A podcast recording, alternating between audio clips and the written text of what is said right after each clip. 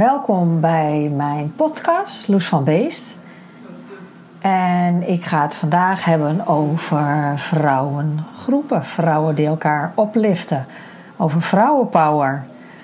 En ik moet eerlijk bekennen dat ik mezelf als uh, stoere vrouw bestempel. En ik best wel allergisch was vroeger voor vrouwen en vrouwengroepen. Ik vond het allemaal maar wat zweverig of week of ja, ik kreeg in ieder geval een, ik kreeg er geen inspiratie van. En uh, nu ik uh, ouder en laten we zeggen wijzer ben, heb ik helemaal de kracht van vrouwen en vrouwengroepen omarmd. En hoe uitzicht dat dan? Nou, ik werk in principe alleen met vrouwen in de particuliere markt. En ook mijn team zal altijd uit vrouwen bestaan. Ik vind het heel prettig om met vrouwen te werken. En alle kwaliteiten van vrouwen en ook de kansen vrouwen te geven om uh, met elkaar samen te werken.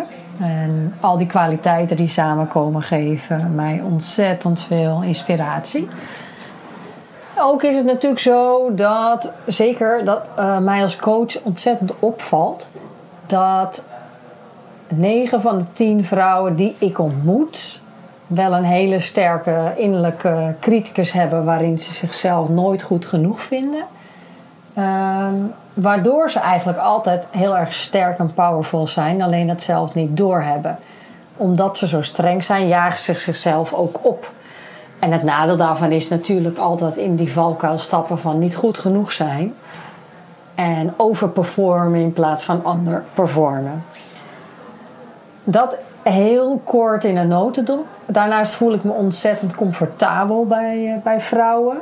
Ik merk ook dat vrouwen, heteroseksuele vrouwen in omgeving van eh, mannen veranderen dat er vaak toch wat meer aan het uiterlijk wordt gedacht. Uh, dat we op een andere energie gaan zitten zodra er mannen bij zijn. En ik ben dol op mannen, ik vind ze enig. Maar ik zie dat wel bepaalde vrouwen veranderen op het moment dat er mannen bij zijn. En in zo'n vrouwengroep kan het heel veilig zijn. Heel erg kan een vrouw zichzelf zijn met al haar imperfecties, die ze zelf al zo ontzettend onder een loep heeft. Als kanttekening wil ik daar wel bij zeggen dat ik weinig vrouwen om me heen heb die misschien wat langere nagels of langere tenen hebben. Maar ik heb wel moeten leren in het bedrijfsleven vooral dat die vrouwen in vrouwengroepen er uh, juist ook weer zijn. Vrouwen die elkaar niet upliften, maar juist afbranden. Uh, vrouwen die elkaar naar beneden halen, de concurrentie tussen vrouwen. Ik zelf ken dat niet zo, ik merk het ook niet. Maar ik weet dat het ook bestaat. En misschien is er daarom ook soms wel een angst uh, hè, voor vrouwen of in vrouwengroepen. Omdat ik natuurlijk de faciliteerder ben van, uh, van die vrouwen om me heen en die vrouwengroepen die ik uh, creëer, is dat er niet. Die, en als het er is, zal ik erop gaan coachen of zal ik er in ieder geval van, nou, wat gebeurt er met jou als je in dit gedrag stapt?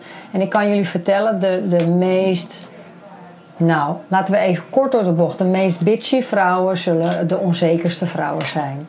En wat we dan doen is, we zetten um, het hart op slot. En dat heet vanuit de touw het hart, het hartbeschermer. En dan voel je niet zoveel. Het hart is ook de verbinding met jezelf en de anderen. Dus jij en de jouwe. En dan zit er gewoon een, een storing of een, of een blokkade, zeg maar, op uh, de verbinding naar de anderen.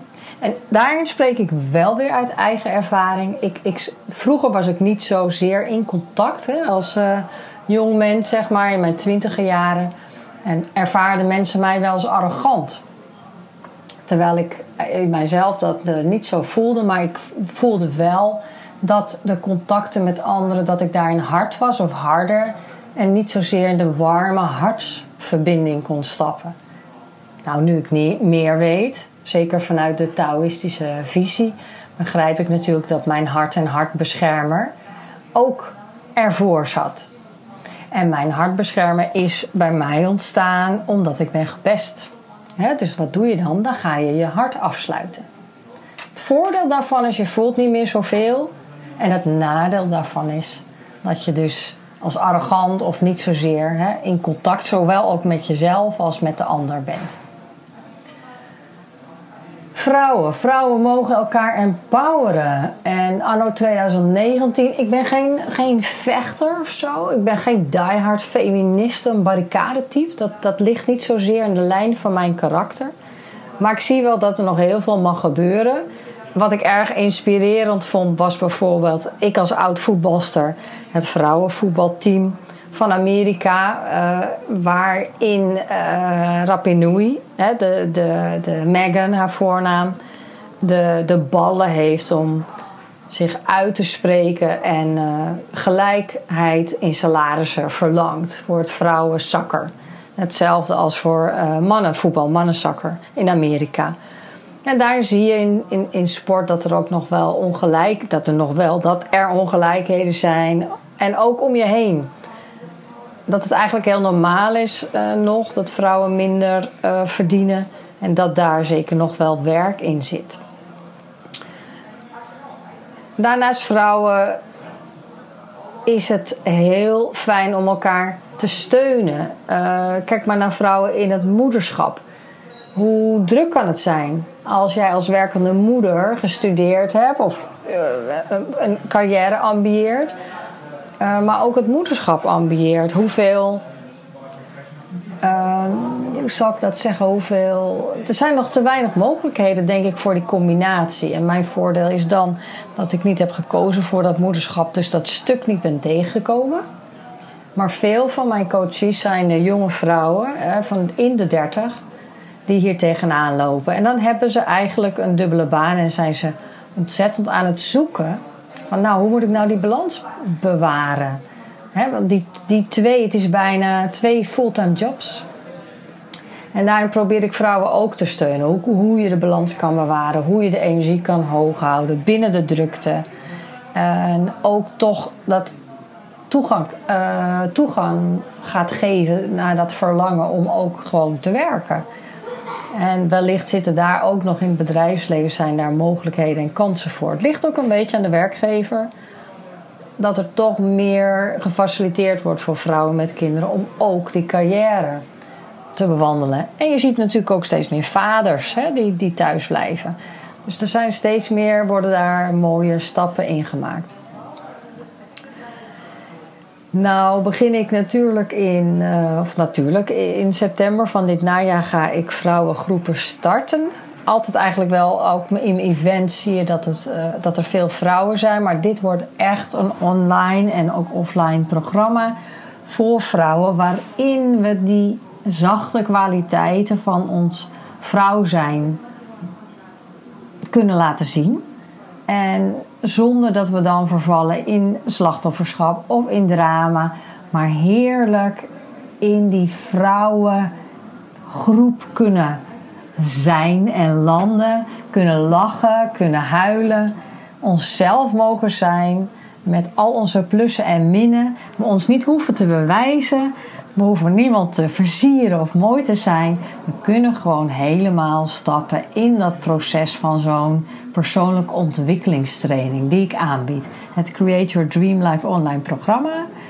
En dan, dat is ook mijn ervaring, en ik had dat nooit verwacht, dan gebeuren er magische dingen. Omdat we zijn natuurlijk als vrouw erg verbonden uh, met zorgen en dan zorgen we eindelijk eens voor onszelf en waar nodig zorgen we voor de groep. En ik heb gemerkt, dan kan je helemaal opbloeien. Je kan steun vragen aan allerlei andere sisters, om het zo maar even te zeggen. Er zijn allerlei vrouwen van allerlei soorten kwaliteiten. En ik had het dus nooit verwacht, maar ja, hoe fantastisch is het dan om met vrouwen gewoon samen te zijn? En daar ben ik veel over gaan nadenken, want eigenlijk is dat helemaal niet gek. En waar eigenlijk is dat verdwenen? En hoe is het in mijn eigen hoofd ontstaan dat ik daar zo'n aanname op had? Want er is niks mooiers om met Soul Sister samen op reis te gaan, paden te betreden van ja, je ontwikkeling of delen of steunen. En ik denk dat dat ook heel gezond is, omdat vroeger in die old ages uh, en je ziet het ook bij oude volkeren, kwamen vrouwen altijd bij elkaar. Om elkaar te helpen, te steunen, om elkaar te dragen. Om met allerlei zaken die we anno 2019 nog steeds tegenkomen. En waar is dat nou gek geworden of zo? Of waar is dat nou veranderd? Dat, dat, daar heb ik mijn vinger nog niet achter. Het maakt ook niet zoveel uit. Maar wat ik daarin wil aanmoedigen, als jij nou als vrouw deze podcast hoort. en je bent ook misschien net als ik een beetje zo'n stoere vrouw die zo'n allergie hebt op dit thema. Kijk eens waar het dan in zit. En bij mij zit het hem wel, zat het hem wel in, ja, waar vrouwen samenkomen, wordt alleen maar gezeurd en geklaagd en uh, gepraat over de relatie. Of, nee, dat is onzin. Het is juist heerlijk om, uh, als je in een gerichte groep met een gericht thema, dat denk ik, daar geloof ik wel in. Of op een gerichte avond met een thema, of een gerichte dag, of in dit geval op een uh, online programma met elkaar aan één topic werkt. Het transformeren van je leven, het vinden van balans. En vanuit balans je passie gaan leven. Nou, dat wil iedereen. dan heb je een gezamenlijk doel. En dan dat enige wat er dan juist gebeurt, is dat je elkaar gaat opliften en dragen, stimuleren, motiveren, inspireren en noem maar op. Dus als je dit luistert, kijk eens om je heen. Uh, waar kan jij een andere vrouw, een vrouw nog steunen? Uh, dat gaat eigenlijk alleen als je jezelf eerst kan dragen en steunen. Dus wees daarin ook bewust van die criticus. Die jij misschien in jezelf draagt, naar jezelf. Met welke gedachten kijk jij naar jezelf? Is het nooit goed genoeg? Ben je erg kritisch naar jezelf? Dan zal je door dat filter ook naar andere vrouwen kijken en wellicht ook het lastig vinden om hulp te vragen in vrouwen of vrouwengroepen.